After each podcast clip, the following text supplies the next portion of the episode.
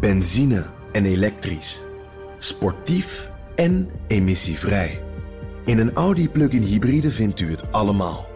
Ervaar de A6, Q5, Q7 en Q8 standaard met quattro vierwielaandrijving. Wat u ook zoekt, u vindt het in een Audi. Audi. Voorsprong door techniek.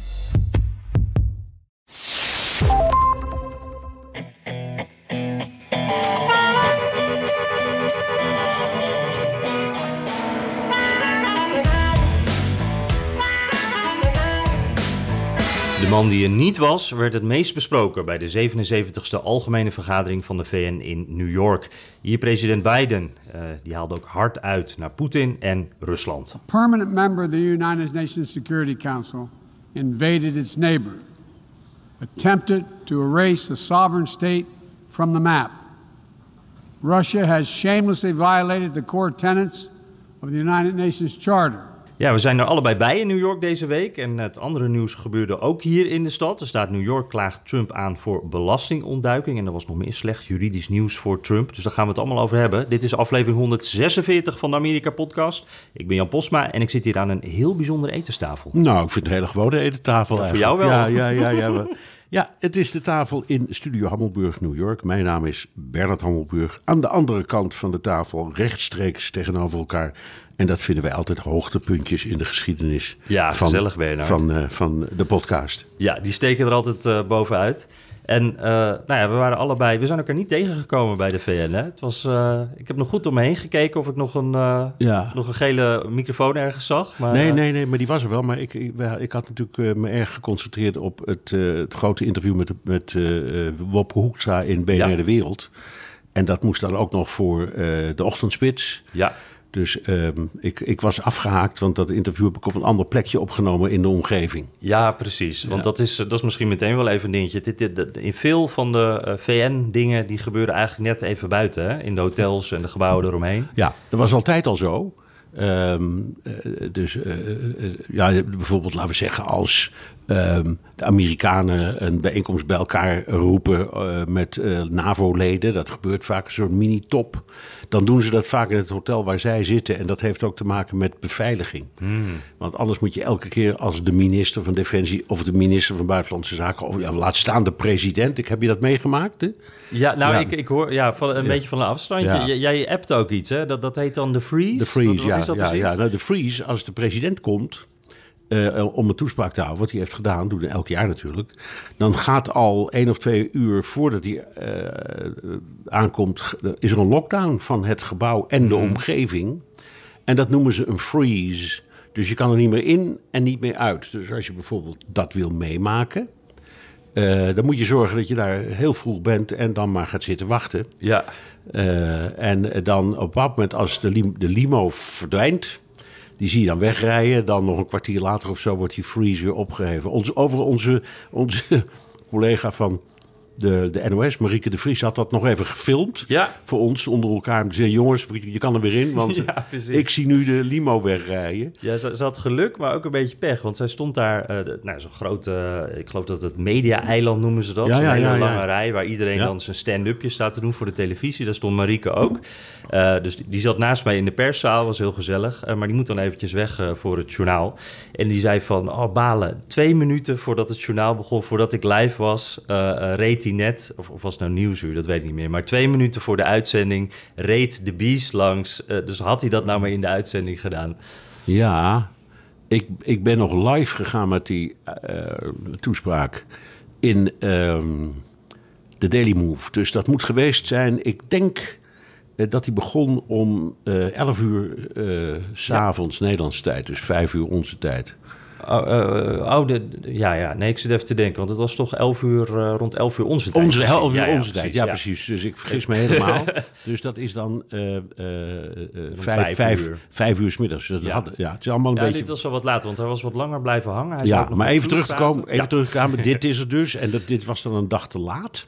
Want de traditie is dat de algemene vergadering die opent altijd uh, in september en een week later, dat is dus nu, dan heb je de zogenaamde High Level Week. Dus dan komen al die uh, uh, presidenten en, en premiers en ministers van buitenlandse zaken. En die houden allemaal toespraken, maar dat is niet het belangrijkste. Die zien elkaar. Hè. Dat, wat wat Frans Timmermans altijd political speed dating noemt. dat gebeurt enorm veel. En dat, dat doet Hoekstra bijvoorbeeld nu ook op dit moment mhm. in... Uh, uh, bij, bij, bij de VN. En die dingen die zijn vaak wat ze dan noemen side events, vaak op een andere locatie. Nu is het helemaal ingewikkeld, omdat de dingen die ze in de VN wilden organiseren, dat mag nog niet. Hmm. Dus het gebouw is nu voor het eerst in drie jaar weer toegankelijk, gewoon voor de gedelegeerden en ook voor journalisten. Maar uh, zalen, er zijn enorm veel zaaltjes uh, in de catacomben van dat gebouw, waar normaal ook heel veel wordt georganiseerd. Dat is nog steeds heel moeilijk. Ja, dat, het geeft wel een raar gevoel, vond ik. Ik, ik heb nu een paar van deze, uh, deze algemene vergaderingen meegemaakt. En ik merkte dat dit voelde een beetje als een soort tussenvorm. Ja, dit is nog niet helemaal. Nee, want in het verleden dan kwam je wel eens, dan stond je daar buiten en, en dan wachten we op de premier of op wie dan ook om te interviewen. En dan liep ook een, de Amerikaanse minister van Buitenlandse Zaken langs. Of, ja. of, een andere premier of wat dan ook. En dat, dat zie je nu veel minder. Ja, dat zie je allemaal wat minder. Het is nog niet helemaal wat het was, dat klopt. Um, maar goed, het is, het is een, een soort circus. Ik kom er al heel veel jaar. En ja, ik, ik, uh, een van de dingen die ik altijd denk uh, tussen jou en mij en onze trouwe luisteraars. We zijn onder elkaar. Ja, we zijn onder elkaar. Ik heb er nog nooit iets uitzien komen. In al die jaren niet. Dat, wil niet, dat is geen cynisme hoor. Want uh, ik bedoel het helemaal niet zo. het feit dat ze het steeds maar weer proberen. Hè, met, waar jij veel aandacht aan besteedt een, een speciale conferentie over misschien het oprichten van een tribunaal of zo. Mm Voor um, Oekraïne. Ja, voor Oekraïne. Ik heb het ook aan, aan Hoekstra voorgelegd. En, en ik heb ook gezegd, ja, dat, dat, gaat toch niet lukken of zo. Mm -hmm. En uh, die zegt, nou ja, misschien ook niet, maar we moeten het wel proberen. Want je kunt die dingen niet ongestraft laten. En dat is vaak... Ik herinner me dat Bert Koenders, toen die uh, minister van Buitenlandse Zaken was dat ik over dat thema hier bij de VN wel, eh, wel eens een interview met hem heb gedaan. En hij is een VN-gek, dus behalve zijn ministerschap. Hij kwam er al voor die tijd en hij heeft enorme... Als je met die man door die, door die gangen loopt, dan wordt hij overal aangesproken. Van, hé, hey, hoe is het met je? Dus die zit er helemaal in. Maar je zegt de gek, dus echt een liefhebber. Echt, hij echt een liefhebber. ook uit eigen... Ja, en ook gelooft in het nut van de VN. En zijn stelling is altijd, nee, het klopt, er, er komt niet veel uit. Maar als we het niet hadden, zouden we het toch weer willen uitvinden. Ja, en dat, dat, is, dat, dat, dat is eigenlijk een goede ja. samenvatting van wat jij en ik nu deze week met onze collega's en al die politici en al die ministers en zo uh, meemaken. Ja, en dan een toespraak. Ja, zou al, ik zeg altijd, al die toespraken die zijn hetzelfde. Nou, die luiden namelijk, wij zijn tegen oorlog en voor vrede. He, dat, dat, zegt iedereen op zijn eigen manier. Ja, precies. En sommigen hebben er wat meer woorden voor nodig dan de anderen. Ja, ja. ja misschien is dat nog wel leuk om ook even voor de luisteraar een beetje te schetsen hoe dat dan gaat. Want um, je, je komt daar dan binnen en, en wat mij altijd, nou laat ik even een stapje eerder zijn. Uh, wat mij altijd al opvalt, ik loop dan een paar blokken, of een paar straten van, van het hoofdkantoor af. En dan uh, zie je al dat die drukte, New York is al een vrij drukke stad natuurlijk, maar dat die drukte ook toeneemt. Dan uh, loop je langs een politiepost, dat is dan al een paar straten er vandaan. en dan kom je al zonder pasje daar niet meer binnen. en dan merk je ook dat het publiek een beetje verandert. Uh, want dan zijn het alleen nog maar mensen in uh, mooie pakken die, uh, die met je meelopen. En de bewoners die aan het klagen zijn zag een man met een fiets aan de hand die, die vroeg aan een agent van... is die beide nou al weg? En toen knikte die agent een beetje zo uh, nors. Ja. En die man zei, mooi. Ja. Want dan moest die, hoefde hij niet langer te wachten op het verkeer. Nee, nee, hier zie je mijn pasjes. Ah ja, die linker heb ik ook. De blauwe? De blauwe, dat is om de VN in te komen. Ik heb een jaarpas, omdat ik hier al zo lang ben. Dus ja. ik heb het niet alleen voor de... Jij hoort bij het meubilair. Dus ik hoor bij, bij, bij het meubilair, dus ik heb een soort vaste pas. En daarnaast zie je een mega grote pas die ik om mijn nek hang. Dat is een politiepas van de City of New York. En ook dat is heel handig, want als er een afrastering, als de politie dus uh, je ergens tegenhoudt, dan mag je met deze kaart er doorheen. Ah ja. En die, die gebruik ik elk jaar, gisteren ook weer. Ja. Uh, want ik, kom, ik had, nou, er stonden overal agenten en zo. En dan pak je die kaarten, dan doen ze keurig het hek voor je open. Dan mag je er doorheen. Oh, dat is dus, mooi. Ja. ja, dat helpt enorm. Maar goed, het is een ontzettend gedoe. Ja. En dat is wel veranderd. Uh, daar kan niemand iets aan doen. Dat komt gewoon omdat de wereld niet meer zo veilig is. Maar toen ik hier begon was het nog een complete toonbeeld van onschuld. Dus je kon zo binnenlopen. En je, dan stond je ook vaak tussen, het, uh, tussen de bezoekers, hè, want er zijn rondleidingen.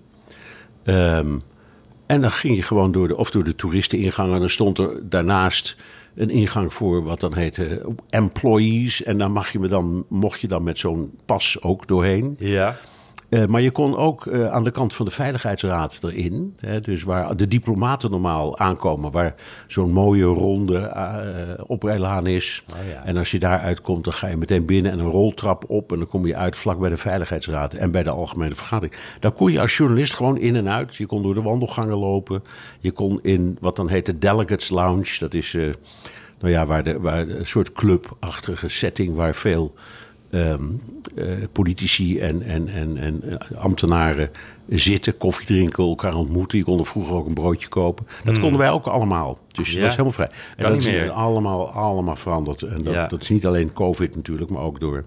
Ja, gewoon, de wereld is onveiliger. En, en ja, je hebt daar zoveel doelwitten die bij elkaar zitten. Ja. Dat eh, er moet maar iets gebeuren. Ja, Dus- dit, is een heel raar contrast, vind ik dat ook. Want dan ben je door die beveiliging, dan ben je dus binnen. En, en buiten hoor je dan nog, er staan ook demonstranten op een afstandje. En je hoort de Ja. sirenes, want er rijden busjes en, en SUV's met geblindeerde ramen af en aan. Met allemaal politiebegeleiding. Dus echt een soort, soort, ja, eh, een soort, soort mierenhoop daarbuiten. Van allemaal mensen die druk zijn en heel veel lawaai maken ook. En dan sta je daar in die beeldentuin. En dan is het ineens heel stil. Dan heb je een mooi uitzicht. Ja, het, is, het heet officieel de Rose Garden, geloof ik. Ehm, en eh, er is een, eh, een traditie dat landen beelden eh, laten maken en cadeau geven aan de VN. En die zijn vaak heel mooi, of soms ook heel lelijk. maar de, allermo- allermooiste, vind ik, die staat aan de, de, de kant van het publiek, aan de ingang, zal ik maar zeggen. Dus langs First Avenue met dat grote hek om het gebouw heen. En daar is een binnenplaats bij de, bij de, bij de publieksingang. En daar staat een beeld en dat is een, een revolver met een loop die in de knoop is gedraaid. Dat is een cadeau geweest van Luxemburg. Ah, Ehm, en dat vind ik veruit het mooiste wat Ja, er is. Dat is, is heel één, mooi. Ja, dat is, een, dat is een, een klacht tegen oorlog. ja. En daar is dit instituut ook voor opgericht. Eh, Ja. Wat je er ook over vindt en hoe cynisch we allemaal ook zijn. Eh, ze hebben allemaal het eh, handvest ondertekend. En dat gaat over integriteit van grenzen. Vandaar dat, dat de Oekraïne-zaak hier zo enorm dik wordt gespeeld. Want het gaat in tegen het handvest. Eh, en, en, en- maar ook het, het idee dat er een gremium is waar iedereen tegen iedereen kan praten, los van blokken of eh, eh, taboes of zo, die bestaan hier niet. Hè? En, en eh, ja, zo, zeg, om een idee, een voorbeeld te geven, in de, aan de vooravond van het eh, akkoord tussen eh, Amerika en Iran over de Iran-deal. Amerika moest over de streep worden getrokken, Obama was dat. Is hier in, bij de VN ook, zijn ook contacten geweest tussen Amerikanen en Iraniërs. Nou, dat was ondenkbaar. En dat heeft geholpen. Dat is dan helaas allemaal weer mislukt, omdat Trump het heeft verscheurd. Maar goed, de, de- dus dat soort dingen, die, die- de contacten zijn wel belangrijk. Mhm. En er wordt nu ook gepraat en onderhandeld. Dus grote kans dat hier ook contacten zijn, toch? Dit jaar tussen Amerikanen en Iraniërs Ja, ergens zou- in een hotelkamer. Zou me niets verbazen. Zou me niets Ja. verbazen. Eh, En je moet alleen verschrikkelijk goed uitkijken. eh, want er, lopen veel wijsneuzen zoals jij en ik rond... die de- die, die gezichten herkennen. Ja. En ik weet nog één verhaal, dat is, is echt gebeurd. Maar toen Hans van der Broek minister van Buitenlandse Zaken was... die kwam hier dus jaar in, jaar uit. En op een bepaald moment, dat is zo'n voorbeeld als wat jij noemde... had hij in het geheim een ontmoeting met Daisy Bouterse, die hier ook was. En dat was in de tijd van de allerslechtste relaties. Dus het gaat namelijk kort na, na die moordpartij. En daar waren wij achter gekomen. En toen zijn we met een aantal journalisten in mijn auto achter de auto met Van den Broek aangereest. En die, hebben, die, die chauffeur heeft alle mogelijke pogingen gedaan om ons af te schudden. Die had het ook door dus. Die had het door, ja, die zag ons Ja. door zijn spiegeltje. En die is de parkeergarage van het Waldorf Astoria ingereden. En daar kan je namelijk aan de andere kant er weer uit. En dan kom je in een heel andere straat terecht. Maar dat hadden we dan ook door. Uiteindelijk hebben we ze ook gevonden. Ook in een hotel hadden ze afgesproken. Ja. Ja, dus eh, dat soort dingen gebeuren. En dat is misschien toch wel een belangrijk puntje geweest in de relatie met Suriname. Wie weet. Ja. Oh, mooi verhaal. Ja. jij, stond voor de deur. Met de stonden-. Ja, met, met, met een, een, een, de toenmalige eh, club van journalisten die hier zaten. Die zitten, nou, het is precies hetzelfde zoals jij het nu meemaakt. Ehm, wat bijvoorbeeld niet nodig was, je had het nu over dat perscentrum waar jij gezellig met eh, collega Marieke de Vries eh, hebt zitten babbelen. Dat is een tent. En dat is mega groot, slechte verbindingen. eh, Nou, nee, een goede viel- verbinding. Oh, viel mee? Ja, nee, verbindingen waren prima. Niks te klagen. Oh, oké, gelukkig, gelukkig maar. Maar het is heel druk. Je zit allemaal Ja, dat wel. hele kleine stukjes aan. aan eh, Veel lawaai, heel, veel veel, geroep, heel, heel, heel, veel herrie. Ja. Eh, en vroeger had je, dat hoeft helemaal niet, want de, de perskamers, de, de persruimte voor de journalisten, die was eh, vlak boven de Veiligheidsraad. Oh, Dus daar kon je gewoon met de lift naar boven. Niemand die iets vroeg, alleen, keek alleen naar je pasje en dan ging je Ja. gewoon aan het werk daar. En eh, als er bijvoorbeeld een veiligheidsraadzitting was, dan liep je het trappetje af en dan ging je bij het stake-out point wachten. eh, wie er allemaal naar binnen gingen en wie er allemaal naar buiten gingen. En dan iets wilde. Het was makkelijker. ja. Maar goed, dat geldt nu ook voor het, eh, de, de ramp op Schiphol en andere luchthavens. Komt alleen maar door de beveiliging. Dat is de grote bottleneck en dat is hier ook. Ja. Het is helaas, eh, eh, het is niet anders. Eh, nog even kort, het, het is nu andersom dus eigenlijk. Wij zitten in die perstent te wachten, kijken naar al die toespraken en, en wachten op al die toespraken. Want het duurt altijd veel langer dan Ja. dan je denkt. Het loopt altijd enorm uit. Eh, en op een bepaald moment, zoals bijvoorbeeld met Biden, eh, dan zitten we dat te volgen. En dan eh, ben ik ook hard bezig om, een stukje daarover te tikken. En dan komt een kwartiertje na die toespraak, kwam Hoekstra even naar buiten. Die komt naar die, die rozentuin. Ja. En dan staan wij als Nederlandse pers allemaal klaar. En dan geeft hij zijn commentaar op, op wat hij van de speech vond, waar hij het mee eens was. En wat niet. Nou, hij was het er eh, erg mee eens natuurlijk. Eh, en, en eigenlijk komen nu dus de, de, ja, de ministers, de premiers, die komen even naar buiten naar ons toe. En dan kunnen we in die rozentuin even met ze praten. Ja. En naar binnen kan ook, maar dat is wel een stuk Ja, lastiger. maar dat was vroeger ook. Maar dan deden we het letterlijk in de wandelgangen. Daar Ja. had je overal grote zitjes. Dus dan zei eh, de woordvoerder, jongens, de minister komt zo naar buiten. Ga maar vast in die en die wandelgang gang op zo'n lekkere fauteuil zitten. Hij komt wel naar jullie toe. Ja, Het kon allemaal. Maar goed, Ja. dit werkt ook. En uiteindelijk, ehm, hoe moeilijk of makkelijk het voor ons is, is niet van belang voor onze lezers en luisteraars Is en kijkers.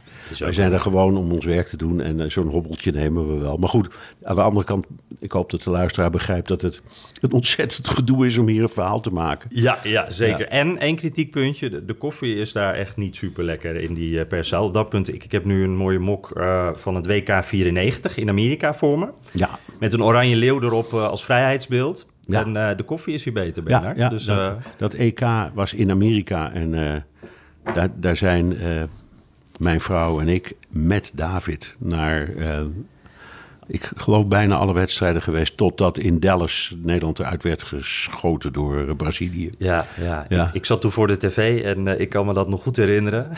maar niet omdat ik dat zo leuk vond. Nee. Maar goed, hey, uh, laten we eens na, naar de inhoud ook gaan van, uh, van die VN, uh, van die Algemene Vergadering van de Verenigde Naties. Want we hoorden beide net al eventjes aan het begin. Hè. Het was Poetin natuurlijk die de agenda bepaalde.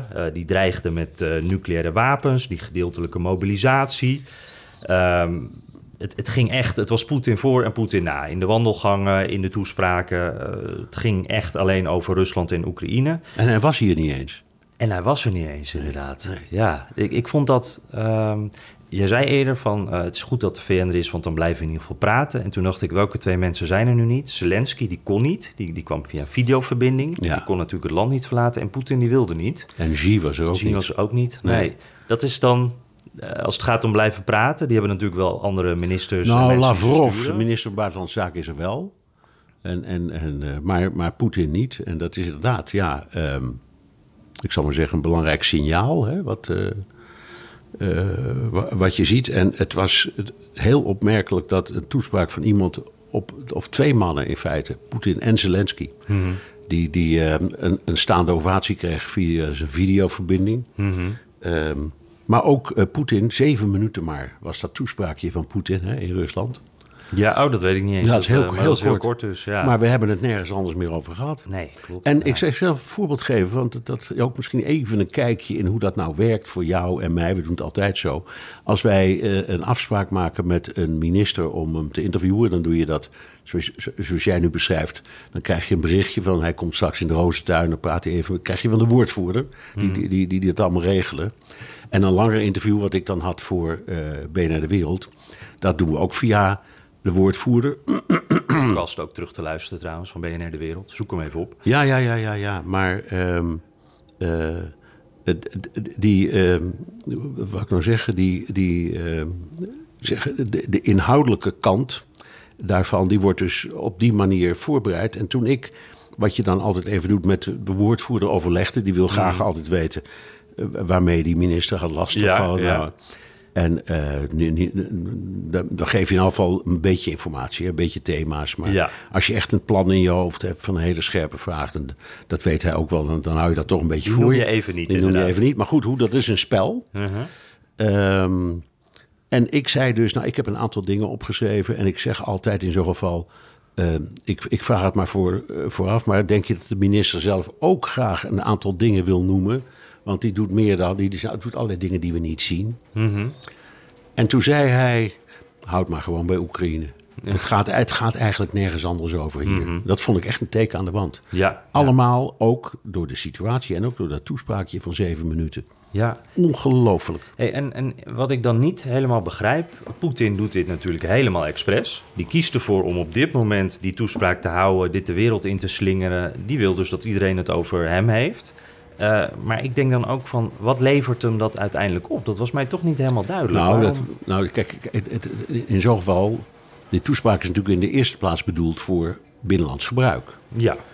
Um, maar dat het op deze dag en, tijdens deze week komt, dat is geen toeval, toch? Nee, dat, nou ja, maar hij, hij, ik denk dat hij tegen zijn eigen volk en ook tegen ons zegt: Ik dwing jullie opnieuw in het defensief.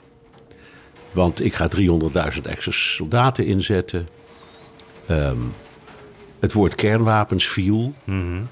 um, dat appelleert heel veel aan de volgelingen die hij heeft in Rusland. Zijn er nog steeds heel veel. Er zijn er nu overigens voor het eerst demonstraties. Hè? Die ja, zeggen het is nou morgen, ja. je moet hiermee stoppen. Maar goed, dat gaat dan om 3000 man in een heel land. En er wonen 140 miljoen mensen in Rusland. Dus je moet het allemaal binnen in een perspectief houden. Maar, maar, maar toch, een grote drempel om te protesteren maar, daar. Maar dus zeker, zeker, zeker. Allemaal mensen die 15 jaar gevangenisstraf mm -hmm. riskeren om hun mening... Allemaal. Maar ik denk dat het, de, de timing, een hele goede vraag, dat hij dat heel goed doet... Om, kijk, hij weet ook, als hij dit niet had gedaan, dan waren al die uh, boosaardige toespraken over wat een schurk die is, er toch gekomen. Hmm. Vanaf het podium van Biden en van Hoekstra of van in dit geval Rutte, die vrijdag nog een toespraak houdt, hè, dus na onze opname. Um, die waren er toch gekomen. Dus ik ja. denk ook dat hij in het schaakspel dacht... dan ben ik ze maar liever een slag voor. Ah, oké. Okay. Ja, dat is eigenlijk dan andersom. Van, ja. uh, er is toch al slecht nieuws, dus dan het gaat allemaal... Ik, ik, krijg alleen maar op mijn op falie. Ja. Uh, ik vind dat ik gelijk heb. Uh, een groot deel van mijn volk vindt dat ook. Uh, ik ga ook door. Dat wil ik, mm -hmm. ook, wil ik ook laten zien. Ik laat mij niet uit het veld slaan... door um, een kleine terugslag ergens... Dat is voor mij niet het grote verhaal. Het is ook een, ook een signaal. Hm. Ja. Ondertussen, je hoort het getik misschien wel op de achtergrond. Ja, dat is uh, noodweer. Echt noodweer buiten. Ik kan, kan de, je, je, fantastische uitzicht is nu helemaal grijs geworden. Ja. Zie geen wolkenkrabben meer en je hoort het, het, het, tikken een beetje op de airconditioning. Hè? Ja. Dat is uh, wat de luisteraar misschien ook meekrijgt. Er, zitten in dit oude appartement van die ouderwetse airconditioners die uit het raam steken. Ja, precies. En daar hoor je inderdaad de regen op tikken. Waar je soms zomers dan even omhoog kijkt, omdat het dan ook druppelt uit de airconditioning. Precies, van de dus, buren. Ja, precies. Ja, ja, ja. ja. ja. Hey, en en uh, die, die, toespraak van Biden, hè, die, die veroordeelde Poetin heel duidelijk. Die veroordeelde Rusland. Die zei eigenlijk precies de dingen die we van tevoren ook konden uittekenen.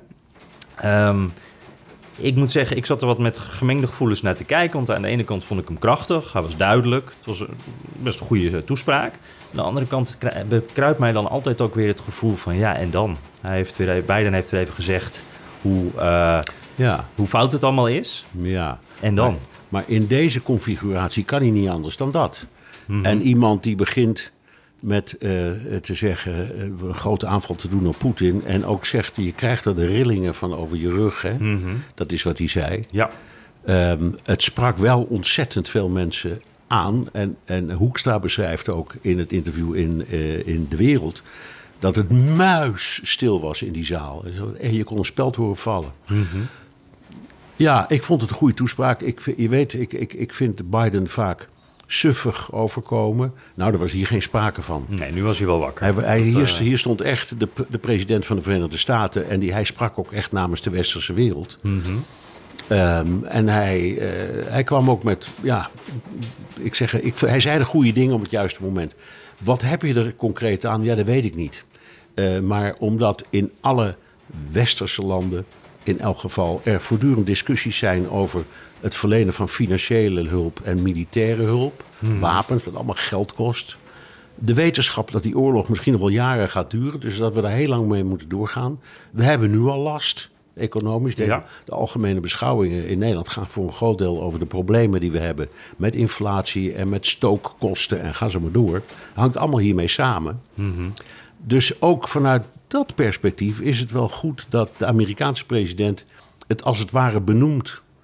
Ehm, heb je daar wat aan? Weet ik niet. Maar in elk geval denk ik dat heel veel mensen die het volgen en die het belangrijk vinden, uh, zich toch gesterkt voelen op dit moment. En daar is hij in het algemeen niet zo goed in. Hmm. Dus dat, ik vond het gewoon... Het overtuigen. Ja, ik vond gewoon, het is een, oh, het is, ik blijf een Hollander, maar het is een vette acht, zou ik oh, zeggen. dat is een mooie cijfer. Vind je niet? Ja, ja. Speelt denk je dan ook nog een beetje de, de herinnering aan Trump mee? Dat, dat mensen toch ook denken, de, de, luisteraars in de zaal ook denken van, nou ja, deze man staat in ieder geval, uh, die spreekt namens ons. ja. We hebben er wat aan. Ja, maar als je die, de toespraak van Trump voor de VN gewoon puur retorisch bekijkt, dat was ook niet slecht hoor. Nee, alleen de, de, boodschap was heel anders. Waar, waar, waar, heel, veel, heel veel uh, mensen, uh, wij ook, waren het uh, enorm oneens met de boodschap die hij uitdrukte. Het was een mm. isolationistische boodschap, dat had hij volledig en voortdurend. Um, maar als toespraak zat het best goed in elkaar. En, en, hij kreeg toen ook complimenten dat hij niet afweek van zijn tekst, wat hij zo vaak deed en doet. Ja. Maar het was, het was, dat was helemaal niet slecht. Nee, maar, maar inhoudelijk gezien kan ik me wel voorstellen dat, mensen nog, dat, dat ook bij de VN toch die, die landen allemaal kijken en denken: oh, nu, dit, dit snappen we in ieder geval. nu weten we waar Amerika staat. Ja, nou dat wisten we toen ook wel. En dat was niet zo'n goede boodschap. Maar er was toen geen oorlog met Rusland. Hè? Nee, precies. Dus uh, ik heb gewoon geen idee. Wat iedereen roept, nou, dan zou hij zou ze waarschijnlijk niet zo druk hebben gemaakt. Dat betwijfel ik.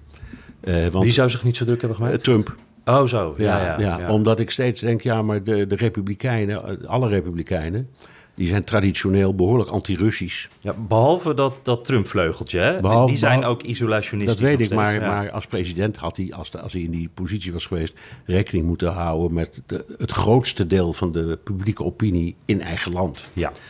En, en die is duidelijk voor steun aan Oekraïne en, en verzet tegen Rusland. Maar ik weet het niet. Het is een, het is een, ik heb geen idee. Nee, ook even een zijpaadje. En, en wat, wat, ik, uh, wat mij ook opviel in die uh, toespraak... Uh, Biden had het over hervorming van de Veiligheidsraad. Dat was iets dat eerder ook door andere landen al een beetje zo geopperd werd. maar dat Biden dat zei, dat, dat, dat viel me wel op, dat hij daarover begon. Zelensky begon er ook over. Uh, die had, vond ik trouwens, een wat minder goede speech. Dat, was, uh, nou, dat kwam wat minder goed over, vond ik allemaal. Ook al kreeg je wel een staande ovatie. Ja, maar de zaal, de zaal was niet helemaal vol, hè? En niet iedereen stond op om te applaudisseren. Daar, daar let ik altijd op bij dat soort dingen. Ik zag in ieder geval dat Rusland bleef zitten. Ja, dat, natuurlijk, uh, ja. natuurlijk. Maar ze, ze, zijn niet weggelopen. Nee. Hadden ze ook kunnen doen. Um, maar, maar goed, uh, die hervorming van de veiligheidsraad, ja. zou ik eigenlijk, want ik ben heel benieuwd wat jij, dat, dat, dat is toch bijna onmogelijk? Jan. Misschien niet eens bijna. Zolang ik hier kom, en ja. dat is al, uh, weet ik veel, ongeveer net zo lang als jij bestaat, zou ik maar zeggen, um, wordt er elk jaar gesproken over hervorming van de veiligheidsraad. En dat heeft uh, soms niet zulke ik zal maar zeggen, dramatische aanleidingen als nu. Mm Het gaat er bijvoorbeeld om dat er zit geen Afrikaans land in. Uh, grote landen zoals India of Brazilië, die eigenlijk in, in zo'n raad zouden moeten, die zitten er niet in. Dus Zelensky alle... noemde het rijtje ook op ja, Duitsland. Ja, ja. Die ook. ja, ja, ja, Duitsland, nou goed. Maar er zitten wel, je hebt natuurlijk, je hebt natuurlijk uh, het Verenigd Koninkrijk en Frankrijk, er zitten mhm. twee, twee Europese landen in. Um, en dan, je hebt dus de vijf vaste leden en tien uh, uh, wisselende leden. Um, ze hebben allerlei varianten in de loop van de jaren besproken. Kunnen we het aantal vaste leden niet uitbreiden?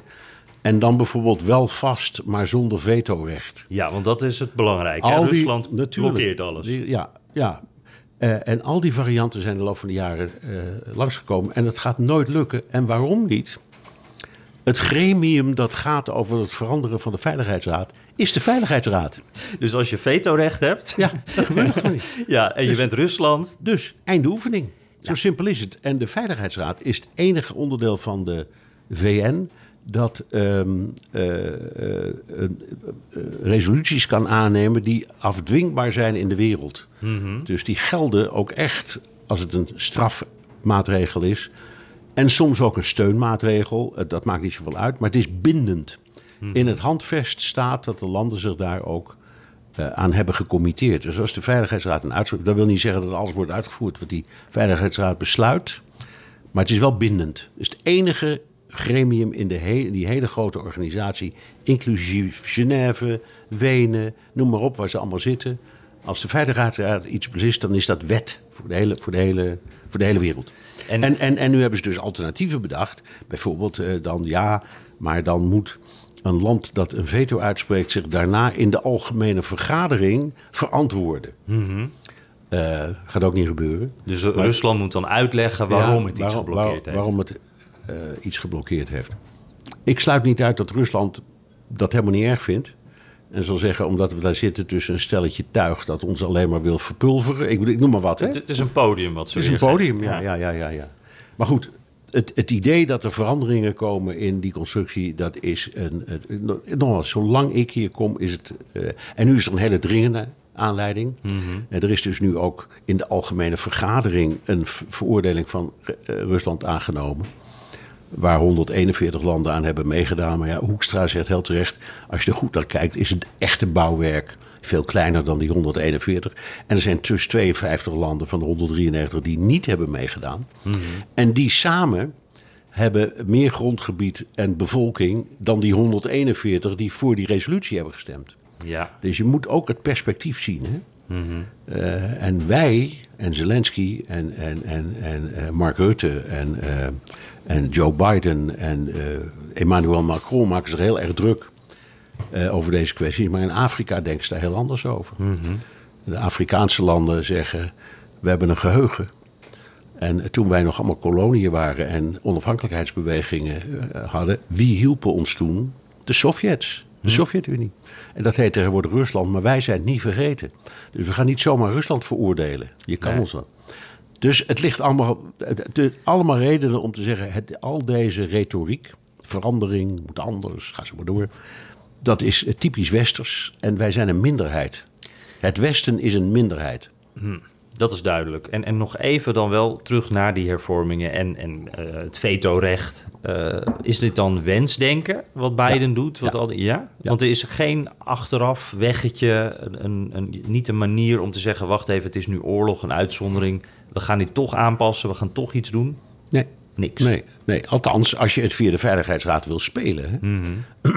er zijn ook wel eens eh, maatregelen genomen en die vallen dan onder ook iets wat internationaal juridisch dan aanvaardbaar is. Dat heet de resp- responsibility to protect. Dat is bijvoorbeeld gebeurd toen Amerika begon met bombarderen, later gevolgd door de NAVO, in de Balkan. Daar was de Veiligheidsraad, had zich daar tegen uitgesproken. En dat is toch gebeurd op grond van dat rechtsbeginsel. Responsibility to protect. Internationaal juridisch is het heel gammel. Maar het, is wel, aan- het spreekt ons wel aan. Als, als, je als je enorme oorlog hebt ongeveer op je drempel. Dat was toen met de Balkan nog veel erger eigenlijk dan nu. Ja, dan heb je de verantwoordelijkheid om in te grijpen. Dus dat, was een, dat is een rechtsbeginsel. Dat we, dus op die manier. Maar als je zegt, ik, ik, uitgaande van de Veiligheidsraad, wat die kan en mag, is het antwoord nee. Meneer Biden staat gewoon een slag in de lucht te slaan. Dus dan is de conclusie toch een beetje waar we ook mee begonnen. Van we zijn allemaal voor wereldvrede, maar naast de gesprekjes het- in de wandelgangen Ja, ja, ja. blijft het hierbij. Alle varkens zijn gelijk, maar sommige zijn gelijker dan andere. Hè? het, is echt, het is een Orwell-verhaal, dit. Ja, dat is het ook wel. Ah. Nou, ehm, ja, mo- moeten we de VN daar maar even mee, mee afsluiten? Of Ja, nog, ja. eh, ja, want dan kunnen we het ook nog even over, Anders praten we, hebben. het duurt hier maar een week als je niet uitkijkt. Praten we er langer over dan het duurt. Ja, precies. Ja, ja. Ehm, ja die, die- want die zaak van eh, die belastingontduiking, hè, dat speelde ook. eh, Ik, ja, ik dan had moet je, maar dat- Ja. ik, ik, ik heb zitten kijken. Het, het, het eerste wat mij opviel was... eh, de, de toespraak van Biden werd uitgezonden door CNN. En ik denk ook... Oh, ik, zat, ik had CNN aan. En ook door andere, eh, eh, ongetwijfeld door anderen ook, door iedereen. En hij was nog niet uitgesproken, of misschien niet eens uitgesproken. En toen kwam de openbaar aanklager van New York in beeld met een uh, aanklacht tegen Trump. En van het ene op het andere moment was die hele VN vergeten. Ging alleen nog maar daarover. Waarover ging het precies, Jan? Ik krijg bijna het idee dat je daar een mening over had. Dat CNN daar zo op uitpakte. Nee, nee, nee, nee tegendeel. Ik, we hebben altijd geleerd, allemaal als journalisten dat binnenlands nieuws, zeker als het groot nieuws is, gaat altijd voor. Ja, en dat geldt ook zeker in Amerika. En dat geldt zeker in Amerika. Ja, ja, precies. dus CNN nam het juiste besluit hoor. Ik, alleen het, het viel zo enorm op. Ja, precies, precies. Dan zit je ook, want we leven dan toe naar zo'n toespraak. En dan, uh, uh, ja, en dan is het ineens weer wat anders wat belangrijker is. Wat, wat ik had, ik had even een déjà vu gevoel. Want ik zat dus in die zaal naast Marieke. We zaten allebei te wachten op, uh, op Biden tot hij zou beginnen eindelijk. En zij liet, liet, dat zo zien van, nou, dat is zo, precies hetzelfde moment als Biden zo'n speechje zou die Letitia James met die aankondiging komen. Nou, dat liep allemaal net even wat anders.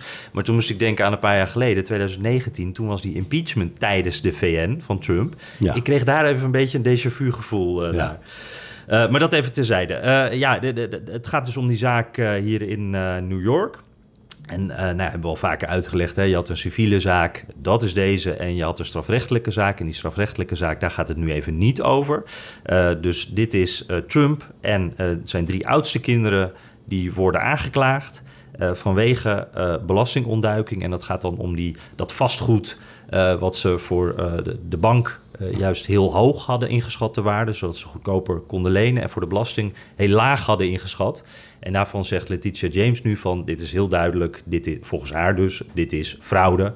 En dit is ook, uh, uh, meneer Weisselberg was dat geloof ik, de CFO hè, van, van Trump, Trumps bedrijf jarenlang.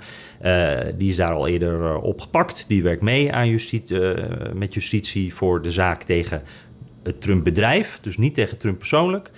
Uh, maar dit was dus de aankondiging dat Trump zelf uh, ook uh, ja, onderwerp van deze zaak is. En dat was nog niet eerder zo duidelijk gezegd. Hm. dus ik vond het toch wel, ik moet zeggen, ik, ik, vroeg me, er waren wat hints dat dit zou gebeuren. Ja. Maar toch was ik wel verrast dat het Nu gebeurde. even voor, om het goed te begrijpen, een aanklacht, waar gaat die aanklacht vervolgens heen? Gaat dat naar een grand jury of is dat al gebeurd?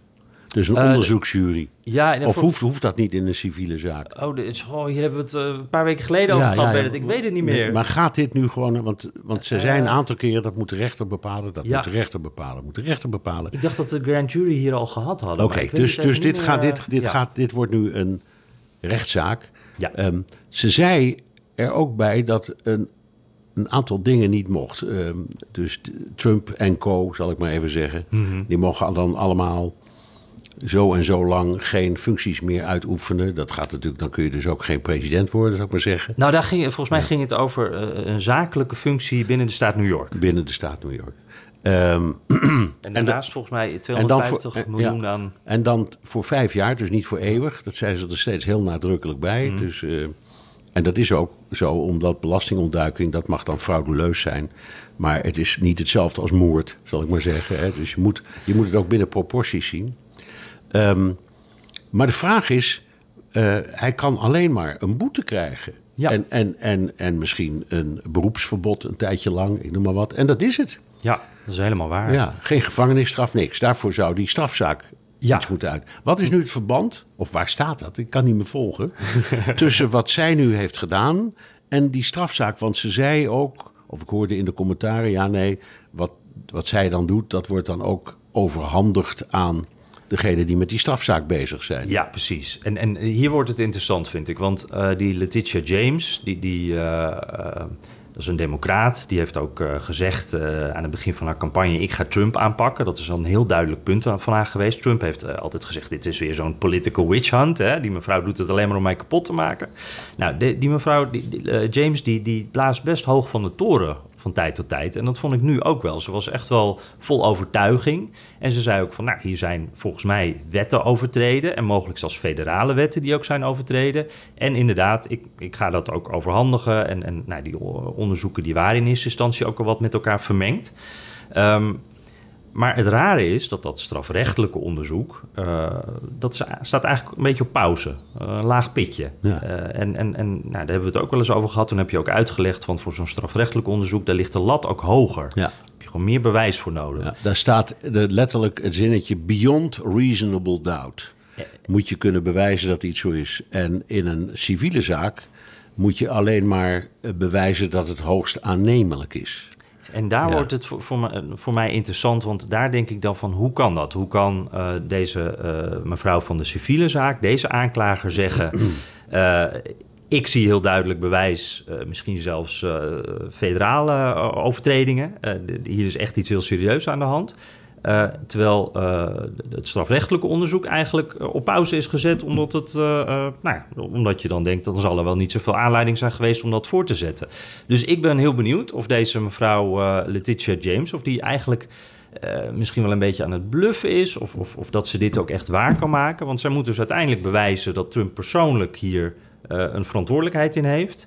Ehm, we hebben heel veel andere verhalen ook gehoord over die, die, de, de- hetgene wat gebeurd is. eh, De, de, de- dat vastgoed wat te hoog en te laag werd ingeschat. Eh, daar hebben de kranten ook over geschreven. Daar is echt allerlei onderzoek naar gedaan. Ik geloof wel dat dat er is. Maar ik ben heel benieuwd of ze nou ook hard kan maken dat Trump hier zo'n eh, verantwoordelijkheid in heeft. En ik vind dat nog best spannend. Ja, nou ja, benieuwd. in zo'n, in zo'n, in zo'n soort bedrijf, bedrijf, het is een- als het ware een familiebedrijf een beetje. Ja, ja heel erg. Daar eh, moet je het ook omdraaien. Het kan niet gebeurd zijn. Het, het, het- hij kan, het is niet zo dat, dat, dat er twee verschillende balansen en verlies- en winstrekeningen circuleerden en dat hij daar niks van wist. Nee, eh, precies. Maar, maar En bovendien in zijn campagne heeft hij destijds, toen het ging over schulden, gezegd: Ik ben de koning van de schulden. Je hoeft mij niets uit te leggen. Ja, precies. Dus hij maakte er zelf nog grappen over ook. Maar we weten ook dat Trump juist een enorme ster is in, in het zorgen dat hij er altijd zelf even twee personen vanaf staat. En Ja. dat je tot nu toe eh, bij al die zaken nooit direct kan zeggen... Trump heeft opdracht gegeven of Trump heeft dit gedaan of dat Nee, gedaan. dus hoe dit, dit afloopt, dat weten we niet. Het is. eh, ehm, ja, het moet, het moet nog voor de rechter. En daar zal wel een jury aan te pas komen. um, en eh, ja, hij is, zoals dat, eh, eh, hij, hij is nergens schuldig aan tot iemand echt tot, met tot de veroordeling komt. Dat gaat nog een tijdje duren. Ja. Hoe lang heeft dit onderzoek geduurd? Een jaar of drie? Ja, precies. Ja. En en Trump, Trump is ook een ster in het vertragen. Ja. En dat zal hier toch ook wel weer gebeuren. Dus ik, ik, ja, ik ben benieuwd. Ik, ik ben heel benieuwd hoor. Het is in ieder geval, we weten dus, hij gaat hierdoor niet achter de tralies komen voorlopig. Dan zou dat andere strafrechtelijke onderzoek ook weer opgestart moeten worden. Dat is nog even een volgende stap. En nou, het kan nog wel heel lang duren. Oké, even heel snel nog, want daar is echt nieuws over. Eh, de kwestie van de documenten die in eh, Mar-a-Lago Ja. in beslag zijn genomen. Omdat eh, dat, daar, was een rechter die had gezegd... nou ja, daar, daar moet een, een, een arbi- arbitrage worden gepleegd. Of dat wel mocht. Ja. Is ook iemand voor aangewezen. Special Master, dat wilde Trump Master. ook graag. Wilde Trump ook graag, heeft hij gelijk in gekregen. En vervolgens zei de, de, de, aanklager, zal ik maar zeggen, het ministerie van Justitie of het Openbaar Ministerie, zouden wij zeggen. eh, die zeiden hier wel, maar er zijn iets van honderd documenten die zijn zo belangrijk. Gaat het over de sta- staatsveiligheid. Die willen wij graag hier buiten houden. En aanvankelijk is dat afgewezen en nu in hoger beroep is dat toegewezen. Ja, Net. Ja, Ja. ja, dus het, het, het- Dus de, de, de belangrijkste documenten, daarvan kan het onderzoek gewoon worden voortgezet. Zeg ik het zo goed? Ja, precies. Het, ja, het, en dat waren 11.000 documenten, geloof ik, in totaal. En, en, en eh, ja, deze andere rechter heeft dus gezegd van, eh, daar kunnen we gewoon mee doorgaan. Dat is geen probleem. En dat is toch echt wel een, eh, ja, de, de nederlaag voor Trump. Die had natuurlijk op iets heel anders gehoopt. En in- ik denk dat hierbij ook die vertragingstactiek eh, bij hem eh, meespeelt. Eh, en dat is dus voor, voor dit moment in ieder geval mislukt. Dus hij had echt een slechte dag. Ja. Even twee juridische zaken die hem enorm... ja, waar hij flink van zal balen. Ja. En, en dan heb je er nog eentje. In Georgia loopt een Ja, hele precies. spannende.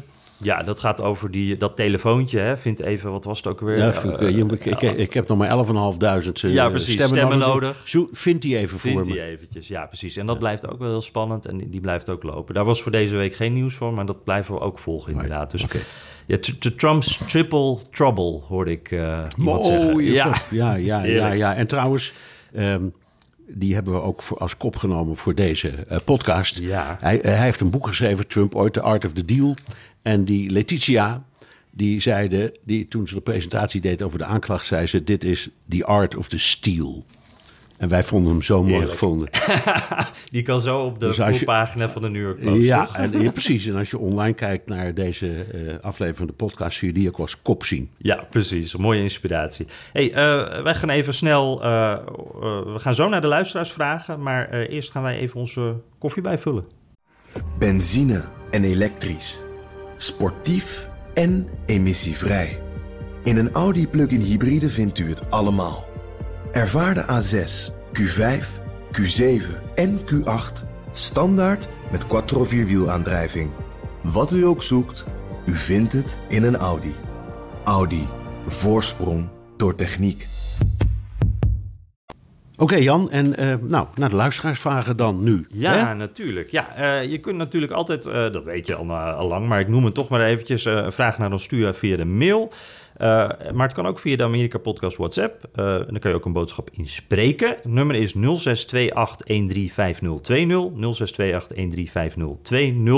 0628135020. Hou de mails en ook de eh, voice messages eh, graag een beetje kort, want dan kunnen we ze helemaal meenemen en dat vinden we altijd eh, makkelijker en leuker.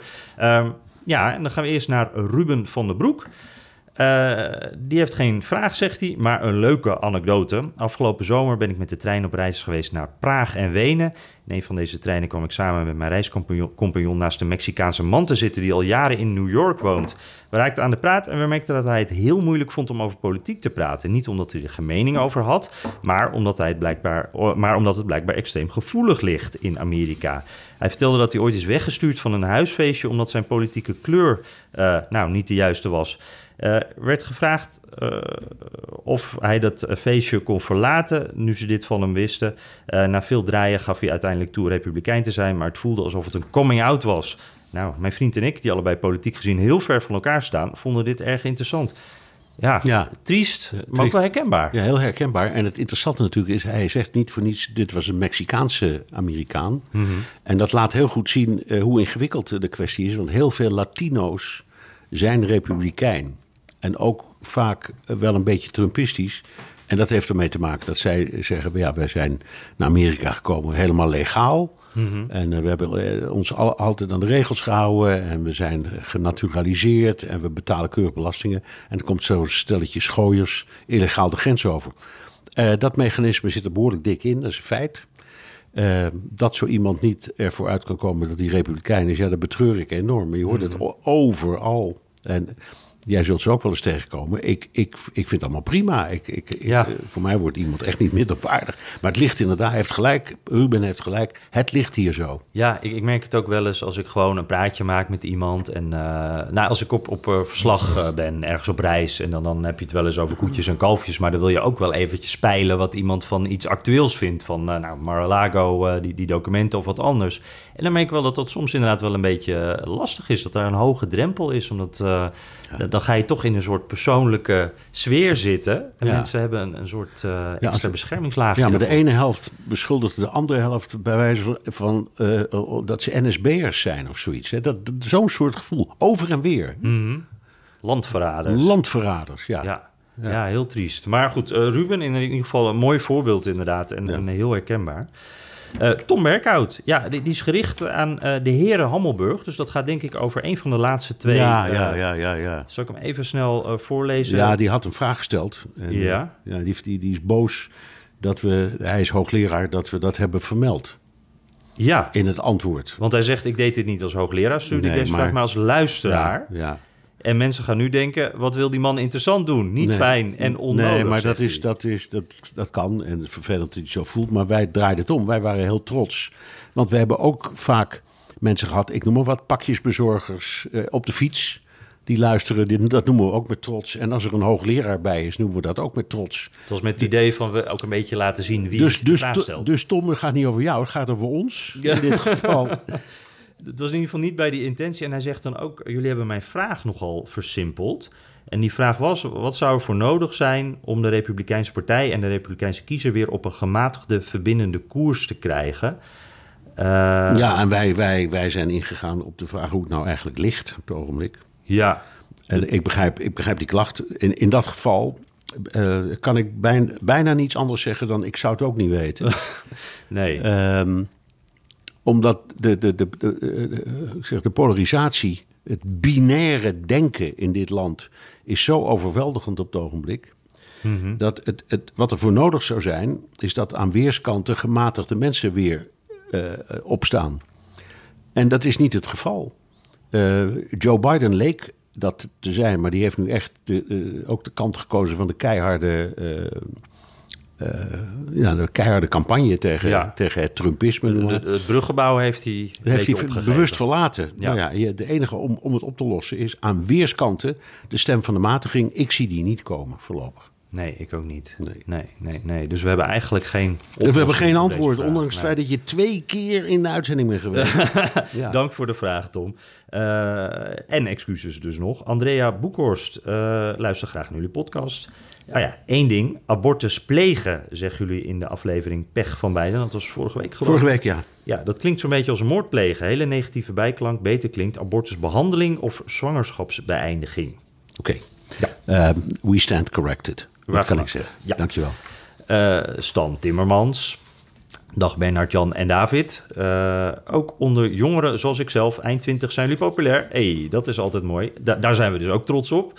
Dat noemen we dan ook even. Jullie hebben de afgelopen weken veelal de afschaffing van de mogelijkheid op abortus besproken. Maar hoe staat het met de homorechten in de United States? Wanneer ik met mijn vriend in Amerika ben, hebben we nooit problemen. Maar het Hoge Rechtshof gaf volgens mij aan ook zich over het homohuwelijk te zullen buigen. Eh, dat zit iets anders. Ehm, het homohuwelijk is eerst geregeld staat voor staat voor staat voor staat. En er is een paar keer bij het Hoge Rechtshof geweest. En bij mij weten uit mijn hoofd in 2015 heeft het Hoge Rechtshof besloten dat ehm, een wet die gaat over gelijkheid onder mensen, ik noem het maar even heel algemeen, dat die ook in dit opzicht geïnterpreteerd moet worden als geldend voor de federale overheid.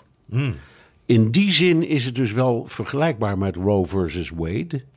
Want ook dat was een uitspraak van het Hof die zei dat het was een federale uitspraak. God is voor heel, heel Amerika. Maar dit is iets sterker omdat het aansluit bij een wet die al bestond. Dus ik denk dat, je weet het nooit, en er zal misschien wel een campagne komen hiertegen. Ik weet het waarachtig niet. Maar ik heb de indruk dat je geen zorgen hoeft te maken. En bovendien, we kennen inmiddels enorm veel eh, eh, homoseksuele stellen die getrouwd zijn hier. En dat geeft geen enkel probleem. Het punt was destijds niet zozeer de vraag of ze mocht- mochten trouwen, maar hoe het dan zat met hun rechten. Ben je dan mee verzekerd? Ehm, kun je gezamenlijk eh, belastingaangifte doen? Dat soort dingen. Daarvan zei het Hooggerechtshof allemaal ja, ja, ja, ja. Dus die, die- die- dat geldt net als in elk ander huwelijk. Hm. En, en ik denk, eh, ik heb de indruk dat er ook niet de politieke wil is. Want uiteindelijk moet iemand dat aanzwengelen. Hè? Dan moet zo'n zaak moet dan uiteindelijk bij het Hooggerechtshof weer terechtkomen. Dus iemand moet ook met zo'n zaak beginnen dan. Ik heb niet het gevoel dat in conservatief Amerika dat eh, de, de- de prioriteit heeft. Ehm, ik merk ook bij jongere republikeinen dat die eh, eigenlijk Dit probleem bestaat niet meer zo. Nee, daar niet. Wat ik wel een beetje merk eh, is eh, dat het nu op andere dingen wordt gegooid. Eh, transgenders, eh, dat is een onderwerp waar echt een soort eh, ehm, Ja. ja, de- de- rood vlees zeggen ze dan, hè? zoiets waar, waar mensen zich erg boos om kunnen maken in conservatieve kringen. Dat is wel zo'n onderwerp, maar nou, dat is dan weer net even wat anders. Ja, maar, nee, maar dat is waar. goed, dank in ieder geval, Stan, voor deze vraag. Oscar dan. Eh, Nederland was in de ban eh, van eh, bedreigingen naar Amalia en Rutte. Hierdoor kan Rutte niet meer op zijn fiets naar zijn werk en Amalia niet meer in een studentenhuis aan de Prinsengracht. In Amerika heeft een beetje, heeft een beetje overheidsfunctionaris meerdere beveiligers. Zelfs artiesten of rijke zaaklieden hebben dat. Biden neemt de Beast, een helikopter, en neemt eh, 400 Secret Service agenten mee naar de uitvaart van El- Elizabeth. Ik wist niet dat er zoveel waren. Zijn wij Nederlanders te naïef of Amerikanen overdreven? Geen van beide. Ik denk dat we eh, realistisch zijn. Eh, in, in, in Nederland moet je onderschat dat niet hoor. Die, de, de, de mensen die zich bezighouden met de beveiliging zijn heel goed en zeer goed op de hoogte. En die kunnen heel goed ehm, het gevaar beoordelen voor de mensen die ze moeten vertrouwen. Hetzelfde geldt voor eh, Amerika. Je kunt zeggen, dit is zo sinds de moord op Kennedy. Sinds die tijd ehm, worden presidenten en eigenlijk iedereen die een hoge ambtelijke functie vervult, die wordt be- eh, beschermd. En doen ze niet voor niks, want het kost miljarden. Als ze die konden bezwaren, deden ze het. En eh, wat dat betreft is de Secret Service ook een heel goed functionerende organisatie. En dan moet je ook over, over- waar komt die nou vandaan, de Secret Service, weet jij dat? Hoe bedoel je? Wat, Ja, eh, waar, waar waar de, de naam oorspro- de oorsprong? Nou, het, was, het, het hoort. ehm, het, was, eh, het, viel het valt onder het ministerie van Financiën. En waarom? Oorspronkelijk was het de groep die valse munters opspoorde. Ah, En dat doen ze nog steeds. Valt nog steeds onder de Secret Service. Dat wordt ook nog steeds door, door die groep gedaan. Maar die, de beveiliging kwam er bij wijze van spreken eh, bij. Ah, ik had Ja. geen idee. Nee. Dat is interessant. Ja. Eh, maar maar die tegenstelling, hè? want ik snap wel wat Oscar bedoelt, dat, dat Rutte dan op de fiets kan. Dat is wel een heel goed, groot verschil met eh, de met Amerika. Amerika. Maar goed, bij de begrafenis van de koningin, Elizabeth, ehm, waren er allerlei regels. Eh, de Britten hadden gezegd, mensen die komen moeten alleen maar met gewone vluchten komen, niet met eigen vliegtuigen. Want dat kunnen we niet aan. Ja. En ze worden, gaan per bus vanaf het vliegveld in groepjes gaan ze naar. Er waren 500 staatshoofden en regeringsleiders. Dat gold voor iedereen, uiteindelijk niet voor de Amerikanen. Nee, ik zag het, ja. Dus, dus Biden is gewoon met de Air Force One gegaan en de Beast stond gewoon klaar. En hij doet het anders niet. En dat is omdat de Secret Service dat eist. Die zegt, anders kunnen we je veiligheid niet garanderen. Ja, ik, ik vind het, het is bijna een cliché om nu te zeggen hoe mooi dat is dat onze premier op de fiets kan. Maar dat is wel echt heel mooi, vind ik. En ik, ik, eh, ik ben wel eens bang dat dat ook... eh, in Amerika hebben ze die ervaring natuurlijk met eh, politici eh, die vermoord worden. Je noemt Kennedy. Ehm, toen is heel veel veranderd. Ik, ik ben, ben wel eens ergens bang dat in Nederland hebben we die ervaring natuurlijk niet... waardoor het nog op deze manier kan. Ja, Maar nou, Pim Fortuyn heeft veel veranderd. hè. Dat is waar, ja, Ja. dat is waar. Maar Ook, toch ook, niet... ook, ook gewoon in het professioneel denken over beveiliging. Mhm. ja.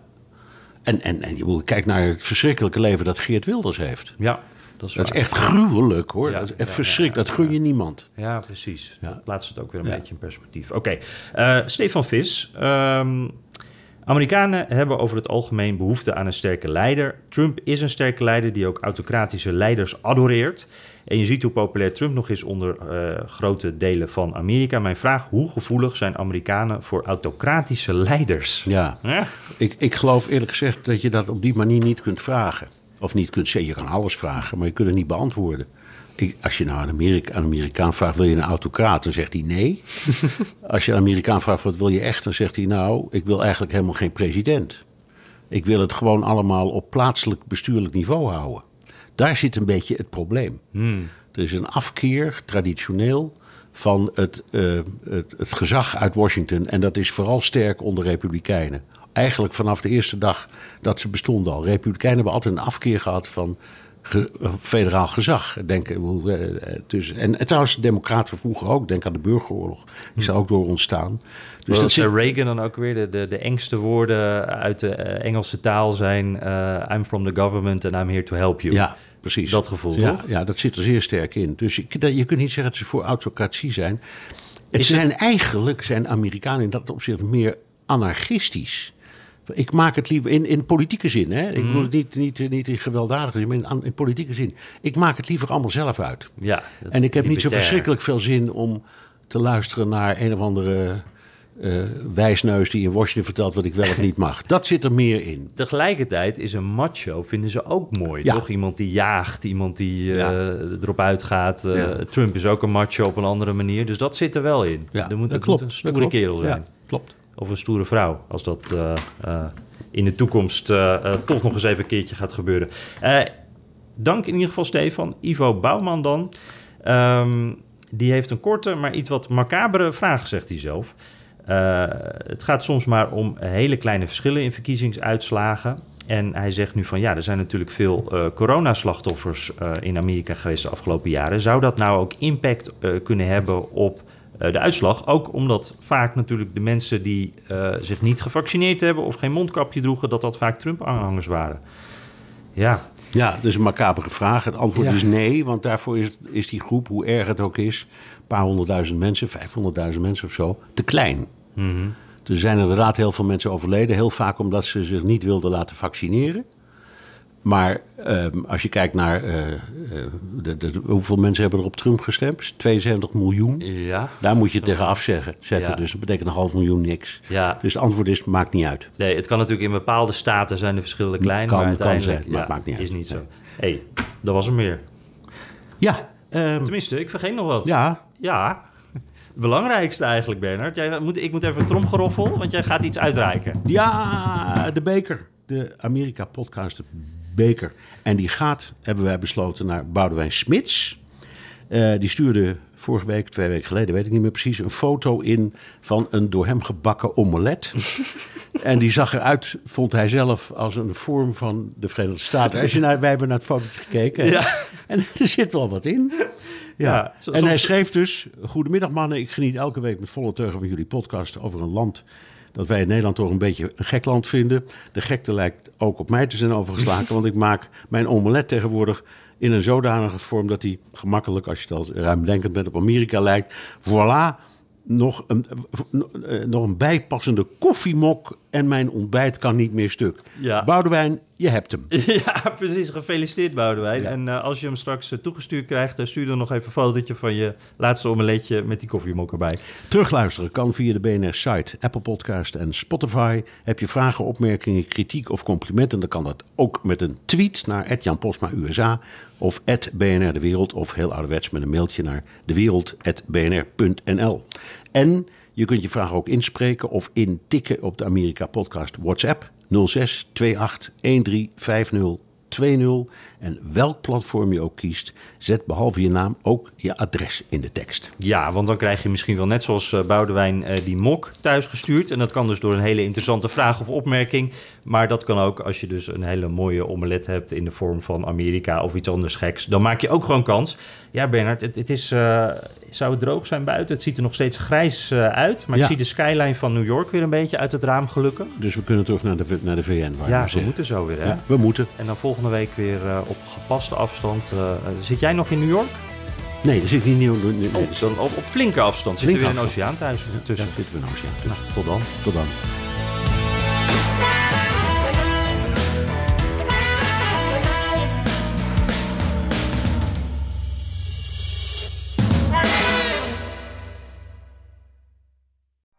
Benzine en elektrisch. Sportief en emissievrij. In een Audi plug-in hybride vindt u het allemaal. Ervaar de A6, Q5, Q7 en Q8 standaard met quattro vierwielaandrijving. Wat u ook zoekt, u vindt het in een Audi. Audi. Voorsprong door techniek.